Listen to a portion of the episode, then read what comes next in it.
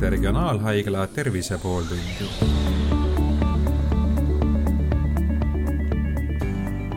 tervist, te kuulate Regionaalhaigla Tervise pooltundi. täna räägime vereanalüüsidest. mina olen saatejuht Hando Sinisalu ja minu vestluskaaslaseks on Põhja-Eesti Regionaalhaigla laboratooriumi juhataja, ülemarst doktor Marge Kütt, tere! tere! vereanalüüsid on nagu rahva seas selline võib-olla kõige tuntum analüüs ja ja tihti arvatakse, et vereanalüüsi tulemustel on võimalik äh, diagnoosida peaaegu et kõike, et äh, mõnes mõttes on selle analüüsi selline nagu ütleme, tähtsus äh, inimeste jaoks nagu väga suur, aga mis see tänapäeva meditsiin selle koha pealt ütleb, et mida siis saab vereanalüüsi abil diagnoosida ja mida veel ei saa või üldse ei saa?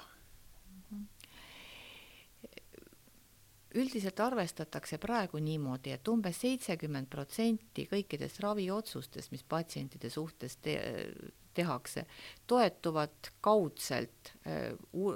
laboriuuringute tulemustele, ehk laboril tegelikult on tõesti väga suur tähtsus. kuid see kaugeltki ei tähenda seda, et see seitsekümmend protsenti toetuvad sellisel juhul ainult laboriuuringu tulemustele enamik nendest raviotsustest vajavad lisaks laboriuuringutele veel täiendavaid erinevaid uuringuid, kindlasti patsiendi seisundi hinnangut, kindlasti patsiendi anamneesi ja, ja kindlasti infot tema kaasuvate haiguste kohta. ehk laborianalüüsid on väga olulised, aga kindlasti ei saa neid üksinda kontekstist välja lõigata ja öelda, et nende põhjal ainult saame teha otsuseid inimese tervise või haiguse koha pealt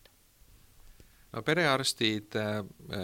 ülemäära varmalt ei, ei kipu selliseid noh, kergema,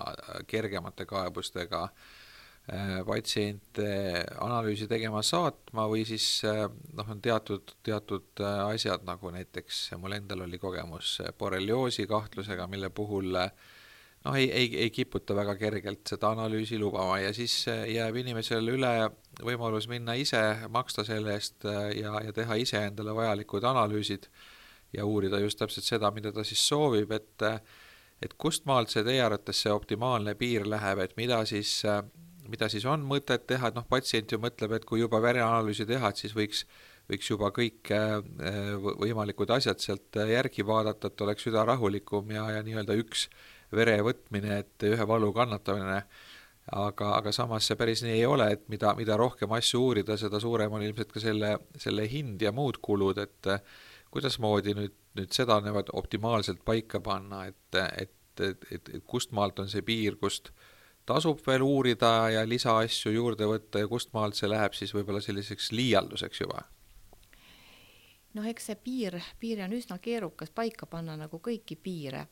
et ma võin võrdluseks öelda seda, et meie labori äh, Põhja-Eesti Regionaalhaigla laboratooriumi menüüs on umbes kaheksasada laboratoorset uuringut, ehk kui patsient pöördub ja soovib ise verd võtta, siis kindlasti me ei soovitaks tal tellida kaheksasadat uuringut, sest see summa on, on üsna astronoomiline, ma ei oskakski pakkuda, mis seda, mis seda, seda nagu katab. et et, kindlasti tasub, et sellest uuringust oleks kasu, peaks üsna täpselt teadma, mida me selle uuringuga teada tahame. ja, ja sellisel juhul ka vajadusel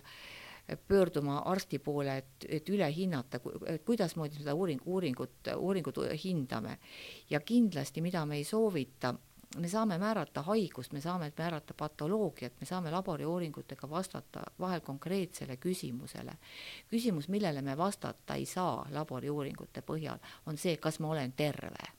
ehk ei ole olemas parameetreid, mis määraks terve, tervist ja ääretult ohtlik on see, et kui inimesel on mingit liiki kaebused ja ta eh, selleks noh, enne kas ta nüüd läheb arsti juurde või mitte, teeb laborianalüüsid, jõuab järeldusele, et tema valitud uuringud on korras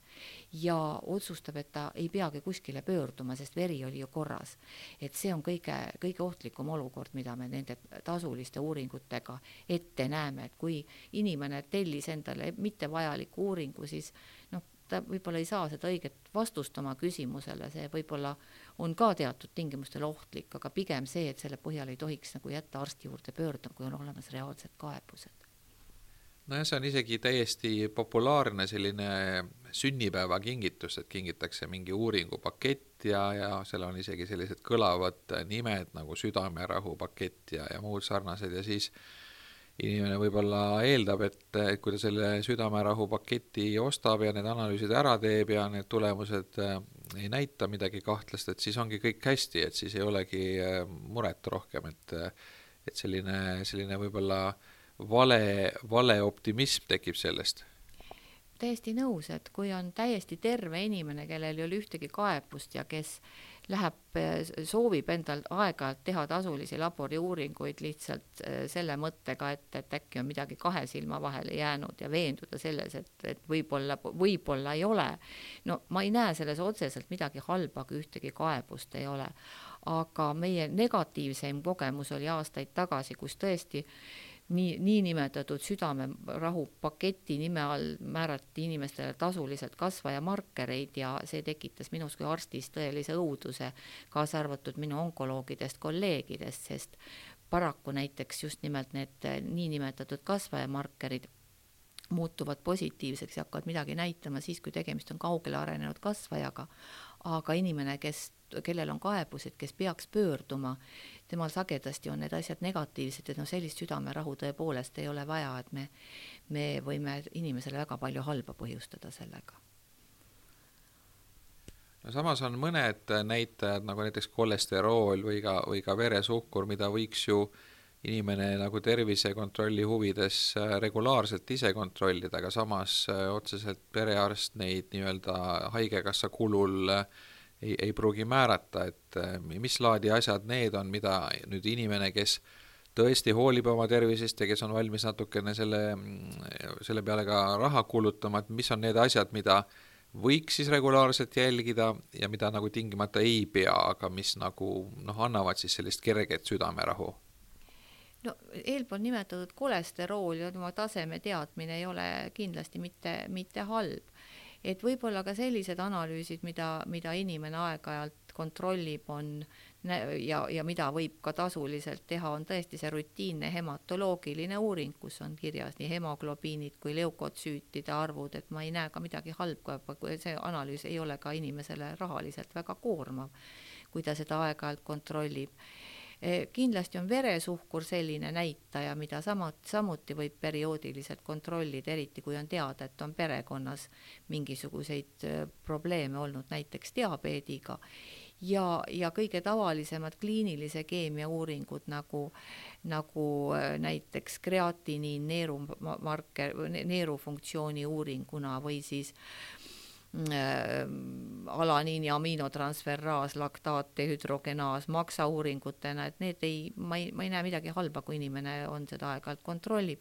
ja kindlasti, mida ka sageli tasuliselt tehakse ja, ja on mõistlik, et ka seksuaalsel teel levivaid infektsioone, eriti kui on, on inimesel on põhjust kahtlustada, et on tal olnud kas kaitsmata vahekord või, või, või seda, et aeg-ajalt kontrollida näiteks oma, oma vereanalüüsi HVI HIV-viiruse suhtes, süüfilise uuringud, et ma ei näe ka midagi halba, et inimene vajab võib-olla teatavat privaatsust ja aeg-ajalt soovib need, need ka üle kontrollida. Kas või selleks, et olla kindel, et need on jätkuvalt negatiivsed, et et see, need, need uuringud ilmselt sobivad hästi sellesse paketti. nüüd äh, nüüd enam, enamikud vereanalüüsid äh, eeldavad siiski veenist vere võtmist ja see omakorda eeldab nagu professionaali, kes seda, seda, seda verd võtab, et kas, äh, kas te näete ka nagu äh, Äh, arengut sinna suunas, et see analüüsi võtmine muutuks äh, mugavamaks selles mõttes, et inimene saaks seda ise teha, et tegelikult ka Covidi, Covidi äh, ajal see kodus ise testimine muutus väga populaarseks ja ja kindlasti see ka vähendab meditsiinisüsteemi koormust, et, et see on tihti selline pudelikael, et neid, neid vereanalüüse just Äh, õdedest, kes neid analüüse võtavad, on ju väga suur puudus, et, et, et kas, kas te näete, et, et, et tulevik on see, et inimesed saavad ise kodus äh, endale selle vereproovi võtta ja siis selle kuhugile laborisse saata? tegelikult ei näe, sellepärast et äh, selles suhtes on maailmas küll ka mitmes suunas tööd tehtud ja on arendatud välja ka testsüsteeme, mis kasutavad äh, nagu ka Covidi ajal sülge ja, ja muid kergesti kättesaadavaid kehavedelikke. kahjuks see tõde on selles, et, et nendest materjalidest määratud äh, tulemused ei ole siiski tõenduspõhised, referentspiirid on, on keerulised ja, ja need materjalid äh, alluvad ka väga paljudele muudele mõjudele, mistõttu nagu otsust, et kas tegemist on patoloogiaga, tervise või haigusega, on nende materjalide põhjal üsna, üsna keerukas otsustada, nii et ma arvan, et äh, praeguse seisuga tõenäoliselt see veeniveri ja, ja tõesti hästi professionaalne proovivõtt siiski jäävad teemaks, et et hetkel ma ei näe, et meil, et veeniverd asendaks kas vereplekk või sülg või uriin, mis noh, oleksid siis nii-öelda mm, põhimõtteliselt loogiliselt võttes nagu arvestatavad asendusmaterjalid, aga, aga hetkel küll ei näe seda. No ma lapsepõlvest mäletan, et, et siis eh, kõik analüüsid, mis lapsele tehti, olid ikkagi sellest näpuotsa verest või siis verepleki analüüsid ja ma vist äh, veenivere analüüsiga puutusin alles juba, juba täiskasvanu eas kokku, et, äh, et siis oli see, omal ajal oli see näpuotsast vere võtmine nagu levinum kui praegu, et praegu nagu ei meenugi eriti, et seda tehakse, et et mis selle põhjendus on? tegelikult põhjendus ongi selles, et see materjal, mis me sõrme otsast saame, on, sisaldab väga sagedasti koevedelikku, kui see on sinna sisse äh, pigistatud ja, ja need tulemused omavahel on, et seal on nagu rohkem selliseid ebaselgeid ja, ja sellest proovivõtust tingitud tulemusi. pealegi see materjali hulk on üsna väike, nii et äh, näiteks kliinilise keemia uuringuteks sellest ei piisa, et eks see sõrmeotsa kasutus oli ka selle, seotud sellega, et neid uuringuid oli väga vähe, laboriuuringuid, ja, ja reeglina tehti sellest ära sel ajal hemoglobiin ja leukotsütoos ja settereaktsioon ehk sisuliselt kolm uuringut. praeguse suure arvu tõttu tõesti me sellest materjalist ka ei piisaks no see veenivere võtmine tekitab äh, paljudes äh, hirmu ja, ja tegelikult äh, ka praegu ju küsitakse, et kas, kas te kipute minestama või kas, kas te kardate, et selles mõttes ilmselt on, on põhjus, miks neid küsimusi esitatakse, et et kui palju see hirmu mm, komponent seal osutub segavaks, et võib-olla inimesed, kellel tegelikult oleks vaja analüüsi teha, jätavad seda tegemata, sellepärast et nad lihtsalt sõna otseses mõttes kardavad seda, seda nõela. ja mida selle hirmu leevendamiseks teha annab, kui, kui mõni on selline, kes, kes, kes tõesti kardab seda eks see on probleem nii laborimeditsiinis kui ka mujal meditsiinis, näiteks äh, ka radioloogias on probleem inimestel, kellel on klaustrofoobia ehk kinnise ruumi kat-, kartus. Ja kui neil on vaja teha kas kompuuter- või mag-, magnetuuring, siis on olemas ka patsiente, kellel seda uuringut lihtsalt äh, teadvusel olles teha ei saa, sest see oleks tema, tema jaoks, see ei olegi nagu tema, tema jaoks reaalselt talutav veeniverega on, on needsamad probleemid, et kindlasti julgustaks patsiente andma teada, et nad on, kardavad, et nad on varem minestanud, et et, et nad, nad võivad, võivad ühesõnaga viimasel hetkel reflektoorselt käe ära tõmmata, et nendega on seda varem juhtunud, et seda võib nagu julgelt vere, verevõtjale öelda, et see et see on, ongi problemaatiline, et, et ega ja, ja samas me teistmoodi seda väga teha ei saa, et noh, katsuda siis lihtsalt öelda, et minuga lähebki rohkem aega ja, ja ma olen, olen väga, väga tundlik selles suhtes, et ega ma muud nõu ei oskagi siin anda. Nüüd äh, seoses verevõtuga veel äh, kogu see protseduur, millal ja kuhu tulla, et siin on ka nagu palju selliseid äh, ma ei tea, kas müüte või, või siis äh, eksiarvamusi, et üks on see, et tingimata tuleb seda teha hommikul esimese asjana enne, enne hommikusööki, et ei tohi süüa ja juua enne vere, vere andmist, et et kuivõrd põhjendatud see on või on see ka selline mingi ajalooline igand juba?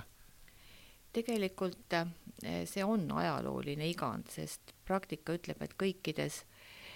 laborites kõikides riikides võetakse tegelikult ambulatoorsetel patsientidel vereproove mitte hommikul kella, kella seitsmest kella kümneni või üheteistkümneni, vaid tegelikult võetakse terve päeva jooksul, samamoodi me võtame ju terve päeva jooksul analüüse patsientidest, kes satuvad meil erakorralise meditsiini osakonda. ja, ja me ei jäta tal võtmata vereproovi, ütleme, et me ootame teda söömata järgmisel hommikul tagasi. et äh, samas ei saa öelda, et see müüt oleks nagu sajaprotsendiliselt põhjendamata, et meil on noh, meie laboris küll meie kaheksasajast uuringust on kuus või seitse uuringut, mida, mille puhul on see hommikune paastumine oluline, aga see protsent on tegelikult ääretult väike. et äh, inimesi küll julgustaksin seda, et, et võib tulla vereanalüüse andma päeva jooksul soovitav, et viimasest einest oleks möödas umbes kolm tundi, et sellisel juhul on ka veresuhkrut, kõik muud näitajad tegelikult äh, taastunud, et vahetult peale rikkalikku heinet vereproovi anda ei soovita sellel põhjusel, et veres võivad liikuda siis ringi rasvatilgad või külomikronid, mis teevad selle analüütilise protsessi keerukaks ja seda proovivõttu tuleb korrata aga kindlasti see ei tähenda seda, et inimesed peavad olema kõikidele proovidele tulema hommikul tingimata või kui ta peaks tulema pärast lõunat, et ta peab hommikust saadik nälgima, et see ei ole kindlasti põhjendatud. no teine, teine selline võib-olla takistus on see, et need vere, vere andmise kohad või verevõtukohad, et neid ei ole tingimata väga palju ja ja, ja inimesed võib-olla noh, tänu, tänu tugevatele reklaamikampaaniatele on, on siin mõne, mõne erafirma laboritega juba nagu harjunud, aga aga kui, kui mugav see, see tänapäeval on, et kui, kui kaua peab ootama ja kui kaugele minema selleks, et vereanalüüsi teha mm? -hmm see on kindlasti oluline küsimus ja, ja inimesed oskavad hinnata oma aega ja mugavust järjest rohkem. nii et sellega tuleb arvestada. et et äh, regionaalhaiglas praegusel hetkel on tõesti võimalik anda vereproove Mustamäe haigla korpuses. lisaks sellele meie kolma, kolmes äh, partnerhaiglas, see siis tähendab Rapla haiglas, Hiiumaa haiglas ja Läänemaa haiglas ja ka meil, meiega partnerlepingus olevas äh, Järvamaa haiglas. ehk inimene, kes elab nendes maakondades, tõepoolest ei peaks vereproovi pärast Tallinnasse sõitma ja kindlasti me kavatseme selles suunas ka edasi tööd teha, et, et tõesti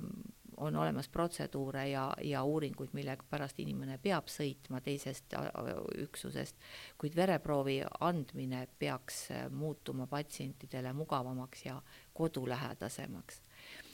Nüüd, kui öelda, et, et võib anda ka teistes laborites, jah, võib küll, aga meil peame ka sisuliselt arvestama päris paljusid äh, asjaolusid, kaasa arvatud seda, et laborite erinevad mõõtemeetodid ei ole kõik omavahel võrreldavad, et ei ole, see, et nad on erinevad, ei tähenda, et on olemas õigemad ja vähem õigemad. Nad on kõik õiged, aga see, kui me ühte inimest, äh, konkreetselt teda ja tema tervist selle ühe näitaja järgi jälgime, siis on üsna palju näitajad, mille puhul on, on väga oluline, et see oleks tehtud sama, sama meetodiga, soovitatavalt ka samas laboris ja tänu sellele me peame mõnevõrra ka arvestama, et, et see vereproov, mis antakse, oleks pärast ka igas mõttes kasutatav. ehk äh, jah, neid proovivõtu mugavust tuleb laiendada, aga päris, päris nii lihtne see ei ole ka, et laborianalüüs on, on sama laborianalüüs, ükskõik kus teda ka teostatakse, et see on pisut keerukam koht siin aga see tähendab seda, et kui näiteks äh, eksperimendi mõttes äh, anda üks äh, ja sama vereproov näiteks kolme erineva sellise nii-öelda kõrgel tasemel labori kätte Eestis, et siis need tulemused ei ole täpselt sada protsenti ühesugused? ei, kindlasti ei ole, kui me veel valime kolm laborit, mis näiteks selle, nende uuritavate analüüside osas kasutavad kolme erinevat uuringumeetodit. et et, on analüüsid, mis on, mis ei ole väga meetodist sõltuvad, aga on analüüsid, mis on väga meetodist sõltuvad, eeskätt just immuunanalüüsid ja näiteks ka needsamad eelpool mainitud kasvajamarkerid kuuluvad sellesse rubriiki. et teatud juhtudel meil on vaja seda väga teha ja arvestada, et mitte põhjustada segadust patsiendi seisundi hindamisel ja, ja tema, tema, tema, tema, tema nii-öelda dünaamika interpreteerimisel see tähendab siis seda, et soovitav oleks noh, eriti dünaamika puhul ikkagi äh, teha labo, teha analüüse ühes ja samas laboris ühe ja sama metoodika järgi, et oleks võimalik neid paremini võrrelda omavahel? teatud uuringute puhul küll. et äh, ma ütleksin, et võib-olla mõningate uuringute puhul mitte et tõesti lihtsamad uuringud, et veresuhkur tehtud erinevates laborites peaks olema omavahel võrreldav. kindlasti tulevad ka, ka mängu nii-öelda laborite erinevad kvaliteedi tagamise süsteemid. Et ka need on, on erinevad ja meil puudub Eestis ka näiteks laborite akrediteerimise nõue, nii et seega on meil, meil tegelikult erinevate tasemetega laborid olemas, et mõle, kõikide, kõikide faktidega tuleb, tuleb arvestada, sest noh, kokkuvõttes me ikkagi tahame, et et see ebameeldiv vereproov oleks asja eest tehtud ja et tulemused oleksid äh, igas mõttes õieti hinnatavad. Aga kui sageli tuleb seda, et, et te kas või siin oma labori piires äh, see, need tulemused tunduvad kahtlased ja siis te otsustate teha kordusanalüüsi, et seal võib olla ju mingi inimlik viga või mis, mis iganes re reaktiivi probleem või või juh-, juhtub ju selliseid vigu ka noh, piltlikult öeldes kosmoselendudel, kus on nagu kõik tehtud selleks, et mitte midagi ei juhtuks, et see, see ilmselt on vältimatu, et kui, kui sageli seda ette tuleb, et vaja on kordusanalüüsi teha ikka tuleb, need on väga paljud erinevaid põhjuseid sellest, see võib olla proovimaterjalist tingitud, võib olla seotud sellega tõesti, et, et me kontrollime küll oma laborimeetodeid, aga kahtlaseid tulemuste puhul on kordusanalüüs kindlasti näidustatud. On olemas ülikõrgeid, ülimadalaid tulemusi, me saame ka vaadata oma patsientide suhtes näiteks tema eelmist tulemust, sellega üldse mitte kokku sobiv tulemus kindlasti tähendab seda, et tuleb ümber, üle vaadata. Ja, ja ka kindlasti me peame arvestama, et meil võivad olla proovimaterjalid, patsiendi kleepsud, midagi veel segamini läinud, et et ma arvan, et, et tegelikult selliseid ületegemise kontrolliga ja ja probleemi lahendamise olukordi suures laboris tuleb kindlasti ette iga päev erinevates punktides ja, ja jõuame ka erinevatele järeldustele. Ja kindlasti oleme ka alati väga tänulikud tagasiside eest oma kolleegidelt ja ka patsientidelt, kes on meie tähelepanu juhtinud, et et näiteks minu, minu vereproovi tulemus või minu, minu tulemus on minu arvates kahtlane, mul ei ole varem selliseid tulemusi olnud, et et kui selline asi peaks ka inimestega olema, et laborid on väga tänulikud selle eest, kui anda tagasisidet, sest sest kõik see, millega me võime kätte saada mõne juhusliku vea, on, on väga-väga-väga oluline. räägime paar sõna tulevikust ka lõpetuseks, et eh, kui palju nüüd eh, Põhja-Eesti Regionaalhaigla labor erineb, äh, ma ei tea, maailma absoluutsetest tippudest, ma ei tea, kus need iganes on, USA-s või Jaapanis, et kui, kui suur see tasemevahe on, et, et mida saab teha maailma kõige eesrindlikumas laboris, mida meil siin veel ei saa, aga võib-olla juba mõne aasta pärast saab mm? -hmm. kindlasti on, arvestades, meie Eesti populatsioon on ainult üks koma kolm miljonit et kindlasti on selliseid uuringuid, mida me praegu tellime väljastpoolt Eestit, laboriuuringuid ja mida me kindlasti ka tulevikus jätkuvalt tellime. et on olemas tõesti ka harvikhaigused, väga haruldased uuringud ja me ka praegu kasutame ka teisi laboreid maailmas, kui on, kui on vaja seda teha. et selles osas kindlasti. nüüd Eesti laboritel kui me räägime labori kvaliteedist Eesti, Eesti akrediteeritud laboritel, siis ma arvan, et, et nendel, nendel laboritel ei ole põhjust eh, ennast, ennast halvemini tunda maailma tipplaboritega, sest me kontrollime, tegelikult me teeme pidevalt võrdluskatseid omavahel ja, ja hindame oma kvaliteeti ja, ja oleme veendunud, et meil see kvali-, selles osas, mis me teeme, on võimalik saavutada maailma tipplaboritega võrreldatav, võrreldavat kvaliteeti. ja kolmas eripära, mis võib-olla Eesti laboritel on just selle väikese tõttu, et et kui maailma tipplaborid on sageli väga spetsialiseeritud, et nad teevad näiteks ainult mikrobioloogiat, siis siis meil näiteks Eestis teevad äh, haiglate laborid ja ka er, eralabor tegelikult kõiki valdkondi, mis on, on vajalikud suuremas või väiksemas määras, et meil on nii hematoloogia, kliiniline keemia, mikrobioloogia, molekulaar, veregruppide uuringud ja nii edasi. aga kas te näete seda, te alguses mainisite, et peaaegu seitsekümmend protsenti Eh, diagnostikaotsuseid tehakse erinevate laboriuuringute põhjal või, või nii-öelda oluline komponent on see laboriuuring seal, et kas see, see number on kasvamas, et kas me näeme tulevikus seda, et järjest rohkem haigusi on võimalik laboriuuringutega diagnoosida, et, et kas see mingi viimaste aastakümnete areng näitab, et see trend on sinna suunda? jaa, ikka, uuring, uusi uuringuid tuleb kogu aeg juurde ja, ja, ja kindlasti on see sama, sama jätkub ka tulevikus et just nii-öelda immunoloogia valdkonnas, äh, molekulaardiagnostika, geneetika valdkonnas, nakkushaiguste uuringute valdkonnas kogu aeg tuleb uusi uuringuid juurde. et kindlasti see arv järjest suureneb, et tänu sellele muutub ka järjest olulisemaks see nii-öelda otsustustugi tellijatele, laborite poolne. et samas, kui meenutada seda sõrmeotsa verevõtmise aega, kus oli võimalik tellida kolme kuni kümmet uuringut, siis praegusel ajal tegelikult on meil vaja seda otsustustuge ja abi pakkuda nii öö, äh, oma kolleegidele kliinilises meditsiinis kui ka kindlasti patsientidele, kes soovivad ise ühte või teist osa oma tervisest kontrollida kui suur on äh, täna inimese osa selles analüütikas, et nii-öelda arvutite eelsel ajal ju inimene spetsialist vaatas mikroskoobi all seda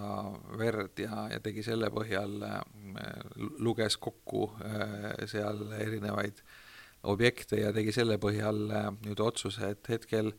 on vist järjest rohkem asju, mis on automatiseeritud ja, ja arvuti teeb selle otsuse, et kui, milline see inimese roll siin on, et ilmselt inimene ju eksib sagedamini kui masin ühest küljest, teisest küljest masin on rumalam kui inimene täna et, et kuidas sellega lugu on? Eks see inimese roll on sama, sama oluline, kui oli, oli siis, kui inimene tegi silma alusel kõik otsused. lihtsalt see roll on natukene muutunud, et kõik need, äh, masin ei otsusta ise midagi, kui inimene ei ole seda sisse kirjutanud, kuidas ta peab otsustama. ka neid otsuseid me vaatame kogu aeg, kogu aeg üle. kindlasti on standardiseeritus parem ehk äh, meie nii-öelda noh, kahe indiviidu vahel või indiviidi vahelised erinevused on väiksemad selle puhul. Aga, aga kõik selleks, et neid masinaid juhtida, õigeid otsuseid tegema, et selle, need on ikkagi endiselt sama töömahukas kui siis, kui vaadati mikroskoobiga ja loeti kokku erütrotsüüdid ja leukotsüüdid. Nii, aga sellega tõmbame otsad kokku, aitäh Põhja-Eesti Regionaalhaigla labori juhataja, ülemarst doktor Marge Kütt ja mina olen Hando Sinisalu. suur tänu kõigile kuulajatele ka